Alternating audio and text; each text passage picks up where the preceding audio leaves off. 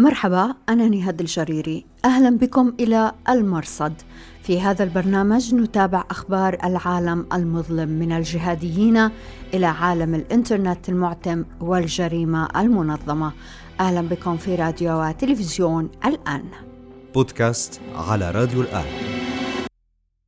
أهلا بكم إلى حلقة هذا الأسبوع من المرصد. نغطي فيها الفترة من 14 إلى 20 فبراير 2022 إلى العناوين. القاعدة تقر بفك الارتباط مع طالبان. تعترف بتوقف الجهاد من أفغانستان وتتعهد بمواصلة مشروعها العالمي وحيدة. المقدسي يقول إن الاستدلال بأفعال الملا عمر وبن لادن جهالة إن خالف ذلك ما يعتبره صوابا. وضيف الأسبوع الباحث المصري أحمد سيف النصر يحدثنا عن أثر أبي مصعب السوري في الفكر الجهادي. كيف كان السوري أقرب إلى طالبان من القاعدة؟ وكيف وصف بن لادن بأنه أصيب بمرض الشاشات؟ وبإمكانكم الرجوع إلى نص هذه الحلقة في أخبار الآن دوت نت. بودكاست على راديو الآن. لأول مرة منذ سيطرة طالبان على أفغانستان بل منذ إبرام اتفاق الدوحة في فبراير 2020 تقر القاعدة بأنها لم تعد وطالبان وحدة واحدة. طالبان أنجزت ما عليها والقاعدة ستمضي إلى إنجاز ما عليها. هذا ما نفهمه من افتتاحية العدد السادس من مجلة أمة واحدة الصادرة عن القاعدة المركزية. في الافتتاحية تبريك لطالبان على دخول كابل الثاني ونصائح لهم حتى يكونوا قوة عسكرية واقتصادية في المنطقة ويحكموا بالعدل بين ناسهم. لكن يلفت في هذه الافتتاحية ثلاث مسائل. القاعدة تهنئ زعيم طالبان هيبة الله أخندزادة بوصفه أمير المؤمنين من دون ذكر للبيعة لا سابقة ولا متجددة. وكأن القاعدة أدركت أخيرا أن طالبان رفضت بيعتهم. وللسبب ذاته تقر القاعدة لأول مرة بفك الارتباط مع طالبان بحسب بنود اتفاق الدوحة.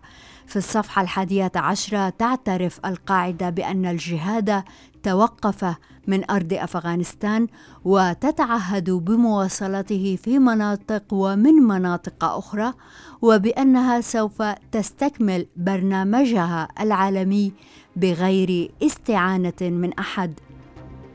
وثالثا لم تشر الافتتاحية إلى أي علاقة تجمع طالبان بالقاعدة بخلاف بيانات سابقة واكتفت بالإشادة بالملا عمر باعتباره مدرسة تخرجت القاعدة منها. الافتتاحية أشادت بدلا من ذلك بالقبائل على الحدود بين باكستان وأفغانستان ودورها فيما أنجزته طالبان. إذا سلوك طالبان خلال الأشهر الستة الماضية منذ سيطرتها على كابول لا يزال يعمق الهوة بين أنصار القاعدة فيما بينهم بينهم وقادة القاعدة وبين المنظرين والقادة. الاضطراب في المفاهيم وردود الفعل وصل حدا مذهلا. نتوقف عند منشورين لأبي محمد المقدسي الذي يعود على تويتر من حسابه العتيبي. الرجل لا يزال مؤيدا لطالبان لكنه يخشى أن يتحولوا إلى حماس أخرى تدخل انتخابات توالي إيران تقبل مالهم وتسمي قتلاهم شهداء. في المنشور الأول يضع المقدسي نفسه موضع الناصح ويكتب عن تصريحات طالبان الإعلامية وكيف يتعين عليهم أن يراعوا مشاعر المسلمين وهم يشكرون الدول التي تقدم لهم المساعدات مثل إيران والصين والهند وغيرها من دول يصفها الرجل بأعداء المسلمين الذين ينكلون بالمسلمين سواء من الإيغور في الصين أو المسلمين في الهند أو السنة في الشام والعراق وإيران واليمن. لنتذكر أن سلوك طالبان اتجاه هذه الدول لا يتعلق بتقديمها المساعدات بل هو سلوك اتجاه العالم بشكل عام. طالبان ماضية في تقاربها مع دول العالم والحصول على اعتراف دولي غير آبها بما يقول المقدسي وغيره من الأنصار. الأهم من هذا المنشور ما كتبه المقدسي بتاريخ 8 فبراير معلقا على هذه العلاقة مع العالم. الخلاصة أن المقدسي يرفض الاستدلال بأقوال وأفعال الجهاديين جهاديين مشاهير حتى إن كانوا أسامة بن لادن أو الملا عمر. إن خالف ذلك ما يعتبره الرجل أنه حق وصواب. يعني سعي الملا عمر إلى الانضمام للأمم المتحدة مثلا لا يستدل به على أنه صواب الانضمام إلى المنظمة الدولية. والموضوع أعمق من ذلك. يتألف المنشور من جزئين. الجزء الأول هو مقال طويل لا نعلم من كتبه يحاول كاتبه تفنيد مزاعم داعش بأن طالبان انحرفوا عن نهج الملا عمر. خلاصة المقال أن ما يراه داعش مخالفة شرعية يرتكبها طالبان اليوم هو في الواقع نهج اتبعه الملا عمر في الولاية الأولى للجماعة. وأن هذه المخالفة لم تمنع أسامة بن لادن من مبايعة الرجل ولم تمنع زعماء داعش أنفسهم من مبايعة الجماعة. يفصل الكاتب هذه المخالفات ويوثقها ويمكن تلخيصها بأن طالبان في الولاية الأولى قبل الغزو الأمريكي في 2001 لم يكفروا أنظمة عربية ولم يسمحوا بشن هجمات ضد الغير من أراضيهم وسعوا إلى الأمم المتحدة ولم ينبذوا الشيعة. ويخلص الكاتب إلى أنه إن كانت تلك المآخذ دليلا على كفر وعمالة طالبان اليوم فهي دليل على كفر وردة وعمالة طالبان أمس. بل دليل على كفر وردة وعمالة كل من كان يوالي طالبان أمس كتنظيم القاعدة زمن أسامة بن لادن وتنظيم الدولة داعش. زمن أبي عمر البغدادي. مرة أخرى الكاتب معني بفضح ضعف حيلة داعش الذين يوالون هذا يوما ويكفرونه اليوم التالي. لكن ماذا عن القاعدة قيادة وأنصار؟ أليست حيلتهم ضعيفة ذات الضعف؟ وهنا نأتي إلى الجزء الثاني من تغريدة المقدسي. يقول المقدسي إن الاستدلال بفعل أسامة بن لادن أو الملا عمر أو غيرهم من المشاهير جهالة على أساس أنهم ليسوا بمعصومين عن الخطأ وبالتالي فإن معارضة الأدلة الصحيحة بأقوال هؤلاء فضلا عن أفعالهم ضلالة. طيب هذه الحوادث الموثقة في المقال مخالفات شرعية وازنة واستخدام المقدسي ألفاظا مثل جهالة ومماراة وضلالة استخدام مهم ماذا يعني هذا لأنصار القاعدة؟ إنهم قبلوا هذه المخالفات فهم مخالفون وإن رفضوها فهم يرفضون زعمائهم الذين يعتدون بهم. وهنا نأتي إلى الحلقة الرابعة من سلسلة صفقة القرن التي بثتها ذراع القاعدة الإعلامية السحاب هذا الأسبوع. يخصص كبير القاعدة الظواهري هذه الحلقة للحديث عن صفات القيادة التي تنهض بالأمة. يستشهد بصفات رجال مثل الملا عمر وأسامة بن لادن على أساس محاربتهما أمريكا. أين هذا الكلام إذن؟ مما جاء في منشور المقدسي. بودكاست على راديو الآن. بعد أيام من إعلان أمريكا أنها قتلت خليفة داعش في إنزال أطمة بتاريخ 3 فبراير تناقلت حسابات على تويتر وتليجرام ما قالت إنه بيان منسوب لداعش يسمي رجلا يدعى أبو الحسن الهاشمي القرشي خليفة للتنظيم. لم يحظى البيان بكثير اهتمام نظرا لما نعرفه عن إعلام داعش المركزي المحكم. فأي من قنوات داعش الرسمية لم تتطرق إلى إنزال أطمة. لكن حسابا متخصصا في كشف مستور ممارسات داعش باسم قناة فضح عباد البغدادي والهاشمي قال هذا الأسبوع إن البيان المنسوب إلى ولاية الشام هو بيان صحيح وإن مصدرا أكد لهم أن التنصيب تم دون مصادقة من مجلس الشورى ودلل على صحة البيان بأن ولاية الشام نشرت سابقا بيانين لقيا رواجا بين أنصار التنظيم من دون المرور بالديوان المركزي. في منشور آخر يرجح هذا الحساب أن أبا الحسن هذا هو حجي زيد بشار خطاب غزال السميدعي عضو اللجنة المفوضة في داعش. بودكاست على راديو الآن. منذ منتصف الشهر ومع تأكيد أن مسلم الشيشاني وبضغط من هيئة تحرير الشام حل كتيبته جنود الشام وهي من مجموعات المهاجرين المعتبرة. نقلنا في الحلقة الماضية أن التضييق على المهاجرين من الجهاديين لا يقتصر على المستقلين وإنما يمتد إلى العاملين في مجموعات تنضوي تحت لواء الهيئة.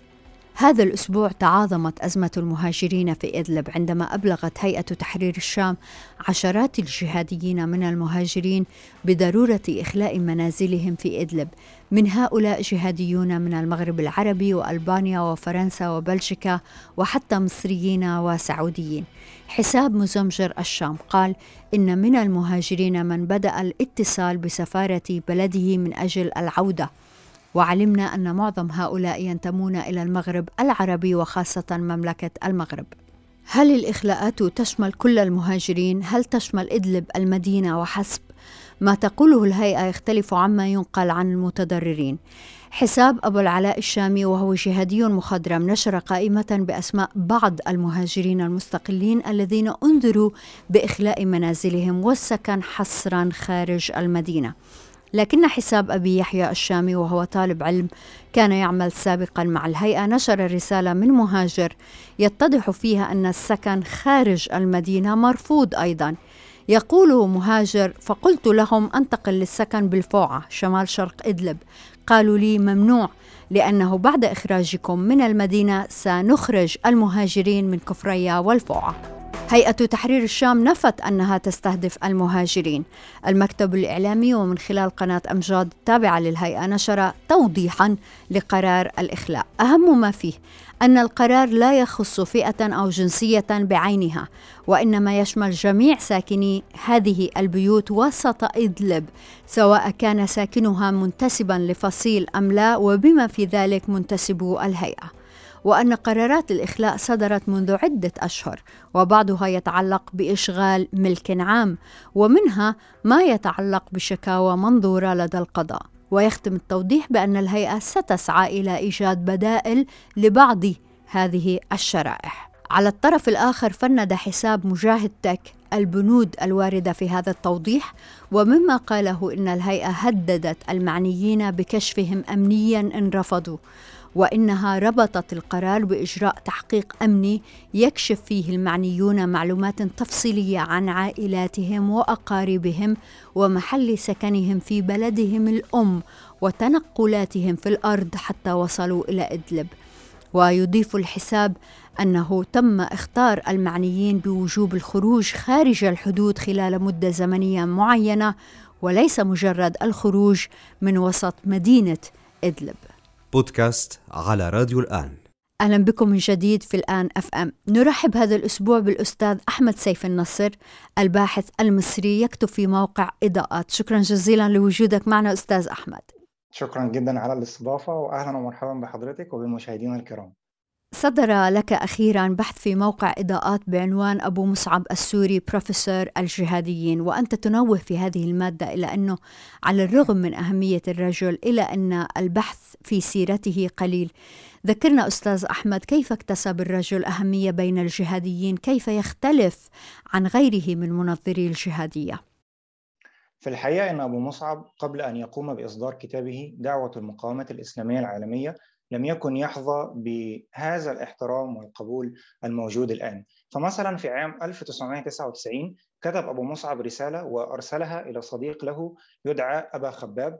ذكر له في هذه الرسالة بأنه آه، بيتعرض لمحاولات تشويه وتضييق وإفشال من قبل رفاقه المجاهدين. وحتى أن أبو مصعب لما كتب كتاب شهاداته على أحداث الجزائر وعرض الكتاب أولا على قادة المجاهدين في ذلك الوقت كلهم حاولوا ثنيه عن نشر الكتاب لأنه بهذا الكتاب سيثير كثير من البلبلة ولأنه بينتقد فيه رموز ومرجعيات للسلفية الجهادية ولم يستطع بالفعل نشر كتابه إلا بعد حوالي ست سنوات. لذلك لم تكن نظرة المجتمع الجهادي لأبو مصعب مثل النظرة الموجودة الآن.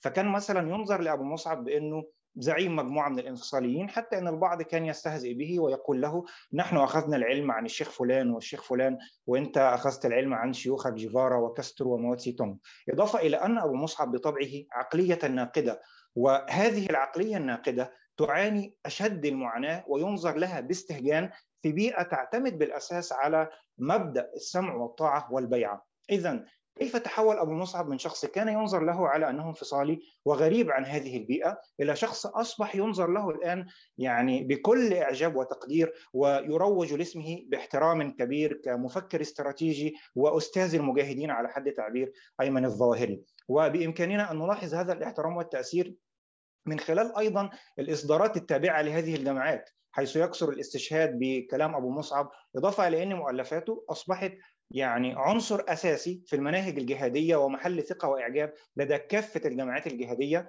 والعديد من الشخصيات البارزة في المجتمع الجهادي أيدوا كتابات أبو مصعب وأوصوا أتباعهم بقراءة كتبه. كيف حدث هذا التحول؟ نستطيع أن نقول بأن ما حدث لتنظيم القاعدة بعد أحداث الحادي عشر من سبتمبر والخسارة الكبيرة التي مني بها التنظيم إضافة إلى أنه لم يعد من الممكن الاعتماد على الملذات الآمنة التي كان التنظيم يعتمد عليها في الدول الصديقة ومع وجود نظام عالمي احادي القطب والتعاون الدولي المتزايد ضد الإرهاب فرض على تنظيم القاعدة أن يغير من استراتيجيته القديمة. وبالتالي لم يجد التنظيم أفضل من رؤية واستراتيجية أبو مصعب خصوصا وأن أبو مصعب قد انتقد مبكرا نموذج التنظيم الهرمي الذي كان عليه تنظيم القاعدة واعتبر أنه نموذج ميت لم يستطيع تحقيق نصر نصر عسكري أو حتى يعني حشد الشعب المسلم لقضية الجهاد. ولذلك طور أبو مصعب استراتيجيات وتكتيكات جديدة زي الإرهاب الفردي المقاومة بلا قيادة. وفي السنوات التي تلت أحداث الحادي عشر من سبتمبر تطور تنظيم القاعدة بشكل ملحوظ وفقا لرؤية واستراتيجية أبو مصعب. فهو ساهم بشكل كبير في تغيير تنظيم القاعدة لأسلوبه ولاستراتيجيته وأعطى تنظيم القاعدة يعني خارطة الطريق. وهذا راجع بالدرجة الأولى إلى أن أبو مصعب وفر أطر استراتيجية وعملية للحرب بين الغرب وتنظيم القاعدة، إضافة لصياغته لمفاهيم وأفكار تستقطب المتعاطفين مع الجهاد، وأيضا قدرة أبو مصعب على التبرير الشرعي والتنظير الحركي في نفس الوقت، خصوصا وهذا سيقودنا إلى الشق الثاني من السؤال بأن أهم ما يميز أبو مصعب عن غيره من الجهاديين هو أنه كان الأكثر تفكيرا الأكثر نقدا الأكثر واقعية في الطرح الأكثر ثقافة آه، تمكنه من علم الهندسة العسكرية وبالأخص هندسة المتفجرات انفتاحه على كافة المدارس والتيارات الفكرية إجادته لأكثر من لغة أجنبية انفتاحه على المصادر والكتب الأجنبية والأخذ منها بدون أي حرج. أكثر مصدر اعتمد عليه أبو مصعب في محاضراته هو كتاب حرب العصابات للمؤلف آه، روبرت تابر. واللافت للنظر دمج أبو مصعب يعني الأدب الغربي بحرب العصابات وبعض المفاهيم الأناركية بمفهوم الجهاد في الإسلام. لكن الاختلاف الأساسي لأبو مصعب عن غيره من الجهاديين هو في النقد الذاتي والتحليل العقلاني والتعلم من أخطاء الماضي. وهو كان له اهتمام كبير جدا بالدراسات والإعلام أنشأ مركزين للدراسات واحد في لندن والآخر في أفغانستان إضافة إلى إنه كتب العديد من الدراسات المرتبطة بتجاربه الاستراتيجية والميدانية وله العديد من الكتب والأبحاث والمحاضرات في الفكر العسكري والتنظير الاستراتيجي ولديه يعني معرفة وإحاطة بالمعطيات الميدانية والسياسية وهو يعتبر أصلا نفسه بأنه واحد من الجهاديين القليلين جدا اللي بيفهموا الثقافة والعقلية الغربية وده بسبب إنه عاش في الغرب لمدة 15 عاما وطور صداقات وعلاقات في في في في تلك المجتمعات. فنقدر نقول إن هذه التوليفة والخبرة الكبيرة التي حصلها أبو مصعب وحياته المليئة والحافلة بالمشاريع الميدانية جعلته مميزا عن غيره من الجهاديين إضافة إلى أنه كان لاعبا رئيسيا في إجبار تنظيم القاعدة على التطور من تنظيم هرمي إلى استراتيجية الجهادية الذئبية المنفردة التي تعتمد على الخلايا اللامركزيه وأيضا ودي نقطة مهمة جدا تحول التنظيم من جماعة منكفية على نفسها إلى جماعة تقوم بتصدير أيديولوجيتها. على سبيل المثال معظم الهجمات اللي تم تنفيذها على مدى السنوات الماضية في الغرب لم تغب عنها حضور وفكر أبو مصعب. وقد تم بالفعل العثور على بعض كتابات أبو مصعب على أجهزة الكمبيوتر الخاصة بالأشخاص الذين قاموا بتنفيذ الهجمات في أوروبا. كما شهدنا تنامي ظاهره الذئاب المنفردة التي نظر لها أبو مصعب وتشكيل الخلايا في أوروبا من خلال التدريب التدريب الذاتي. لذلك يعود الفضل إلى أبو مصعب في تأسيس الجيل الثالث من الجهاديين بعد أحداث الحادي عشر من سبتمبر. في البحث الذي أجريته أستاذ أحمد لفت انتباهي ما قاله أبو مصعب السوري عن أسامة بن لادن. يقول وأنا أقرأ من البحث أخونا آه، بن لادن سيساعد أعداءنا في الوصول إلى أهدافهم دون مقابل. أعتقد أن أخانا بن لادن قد أصيب بمرض الشاشات. كيف كانت علاقته مع أسامة بن لادن؟ صحيح أن أبو مصعب يعني ظل شخصية مستقلة إلى حد ما وكان له بعض الاعتراضات على منهج أسامة بن لادن وانتقدوا يعني بشكل مباشر أكثر من مرة. ويعني هو له تحفظات استراتيجية حول عواقب أحداث سبتمبر لكنه يعني لم يكن ليضع نفسه في صف آخر غير صف الجهاديين فهو يعتبر نفسه محسوبا على الجهاديين حتى وإن اختلف معهم. ولذلك مثلا نجده في آخر كتاب له كتاب دعوة المقاومة الإسلامية العالمية يؤصل لنظرية سماها نظرية الخط الفاصل بين الحق والباطل. فبالنسبة لأبو مصعب فإن ما حدث بعد أحداث الحادي عشر من سبتمبر لم يجعل هناك مجال مجال لتيار ثالث. كما قال جورج بوش إما أن تكونوا معنا أو ضدنا. لهذا رأى أبو مصعب أن يكون في صف طالبان وينحاز لصف طالبان والقاعدة خصوصا وأنه كان مبايع للملا عمر وقريب منه وهذا يجعله يلتزم بالانحياز لهم.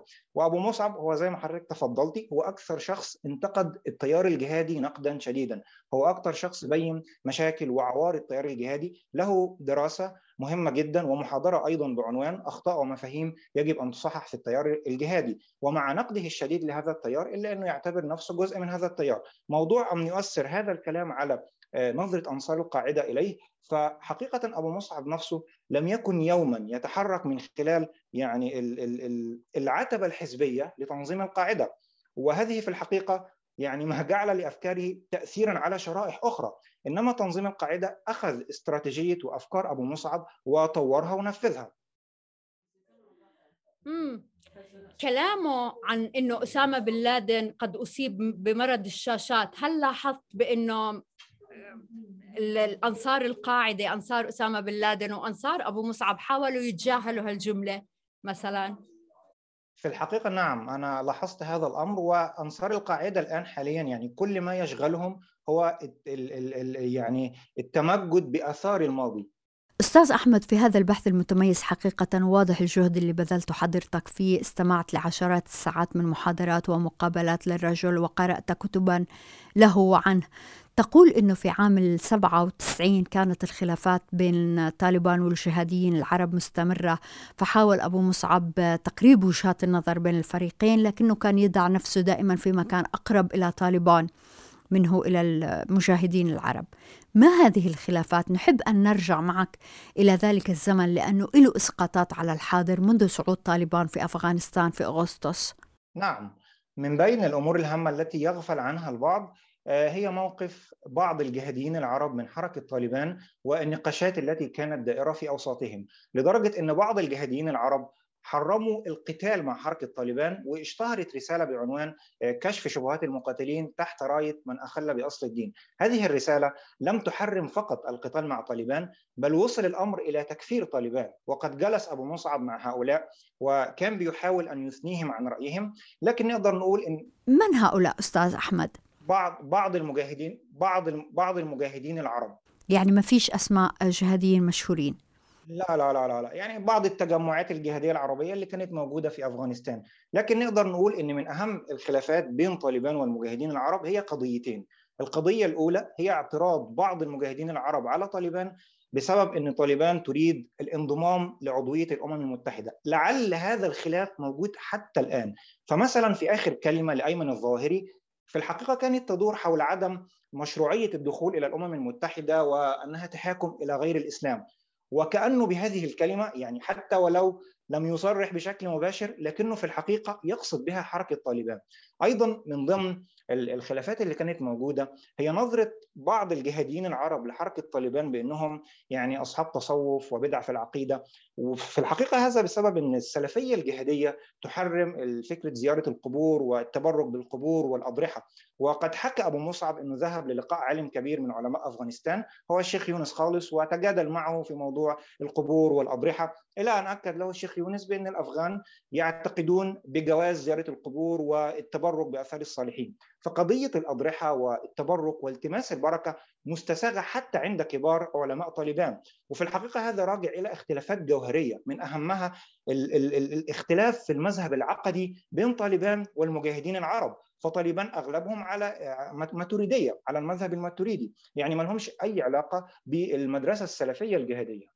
ولهذا أستاذ أحمد صلة ببحث آخر لحضرتك بعنوان طالبان والجهاديون العرب شهادة أبو مصعب السوري الصادر في أكتوبر 2021 بتذكر حضرتك أن السوري ميز بين تيارين داخل طالبان تيار متزمت ملتزم بالعالمية الجهادية يعني أسامة بن لادن وتيار ملتزم بالوطنية القطرية. إلى أي تيار كان يميل أبو مصعب السوري؟ وماذا يعني هذا برأيك للجهاديين من أنصار القاعدة الذين يؤيدون طالبان؟ آه، طبعا لا ننسى إن حركة طالبان تتكون اجتماعيا من القبائل البشتونية. وفي الحقيقة فإن حركة طالبان لم تصدر نفسها في يوم من الأيام على إن مشروعها جهادي عالمي بنفس مفهوم تنظيم القاعدة بل إن مشروعها هو مشروع أفغاني يعني وطني يقوم بالأساس على تقدير الأعراف القبلية ونبذ الصراعات والتمسك بثوابتها الشرعية واللي تعتمد فيها بالأساس على الإرث الثقافي والفقهي للمذهب الحنفي. وكل عمل حركة طالبان سواء السياسي أو العسكري منحصر داخل الحدود الأفغانية، لم تقم الحركة بأي هجمات خارج حدود أفغانستان، بل إنها حاولت أن تطمئن المجتمع الدولي أكثر من مرة، وفي الحقيقة كثيرا ما طالبت حركة طالبان من تنظيم القاعدة عدم تنفيذ هجمات خارج أفغانستان انطلاقا من الأراضي الأفغانية، لكن التنظيم كان يضرب بكل تنبيهات طالبان عرض الحائط. كما ذكر مفتي القاعدة أبو حفص الموريتاني وعقب وقوع هجمات الحادي عشر من سبتمبر رفض الطالبان تسليم أسامة بن لادن من منطلق رفض تسليم من استجار بهم. في المقابل عرضت الحركة على الولايات المتحدة محاكمة بن لادن على أراضيها أو محاكمته في أي دولة إسلامية أخرى لكن الولايات المتحدة رفضت كل ما اقترحته حركة طالبان وموضوع احتضان حركة طالبان لتنظيم القاعدة وغيرها من الجماعات الجهادية يعني لم يكن في الحقيقة انصهار واندماج فكري. إنما كان إيواء وجيرة بحكم ما تقتضيه الأعراف والعادات القبلية الموجودة على المستوى الفكري والعقدي فهناك اختلافات بين تنظيم القاعدة وحركة طالبان وإذا كان فعلا هناك تيارين داخل حركة طالبان فأنا أعتبر أن الاختلافات بينهم في حدود تكتيكية وإدارية وليست خلافات منهجية. وممكن يكون معناه أبو مصعب بوجود تيارين داخل الحركة هو إن كان في تيار شايف إن وجود المجاهدين العرب في أفغانستان سيشكل عبئا عليهم وبالتالي فالأفضل هو أن يتم ترحيلهم بينما التيار الثاني كان متمسك بوجودهم. لكن في الحقيقة وحتى مع وجود تيارين داخل حركة طالبان فالاثنين لم يؤيدوا أصلا فكرة الجهاد العالمي بنفس فكرة تنظيم القاعدة بل إن الملا عمر أوقف نشاط حركة تركستان الشرقية ضد الصين. ففكرة إن طالبان تتبنى الجهادية العالمية فهذه يعني نقطة بحاجة إلى المراجعة. بالنسبة لتنظيم القاعدة ففي الحقيقة التنظيم يعني تراجع حضوره بشكل كبير جدا عقب مقتل أسامة بن لادن وأيضا مقتل القادة من الصفين الأول والثاني. وبالتالي فالتنظيم الآن يعني يعيش مرحلة شتات يعني إن لم يكن يتلاشى ويعني هو لم يعد له حضور ولم يعد له جاذبية. وأصبح نشاط أنصار القاعدة هو التغني بأمجاد القيادات السابقة. وجزء من اتفاقية طالبان مع الولايات المتحدة هو عدم استخدام ال ال ال الأراضي الأفغانية من قبل أي جماعة أو فرد ضد الولايات المتحدة وحلفائها، وبالتالي فتنظيم القاعدة لا يبدو له أصلا أي مستقبل في أفغانستان، وفي الحقيقة هنا لابد من ملاحظة إن إن أيمن الظواهري لما بايع الملا هبة الله أخوند زادة إلى الآن لم يتلقى علنا أي رد بقبول البيعة. الأستاذ أحمد سيف الناصر الباحث المصري شكرا جزيلا لك. شكرا جدا على الاستضافة الكريمة. وشكرا جزيلا لوجودكم معنا في راديو وتلفزيون الآن. أنا نهاد الجريري مع السلامة. بودكاست على راديو الآن.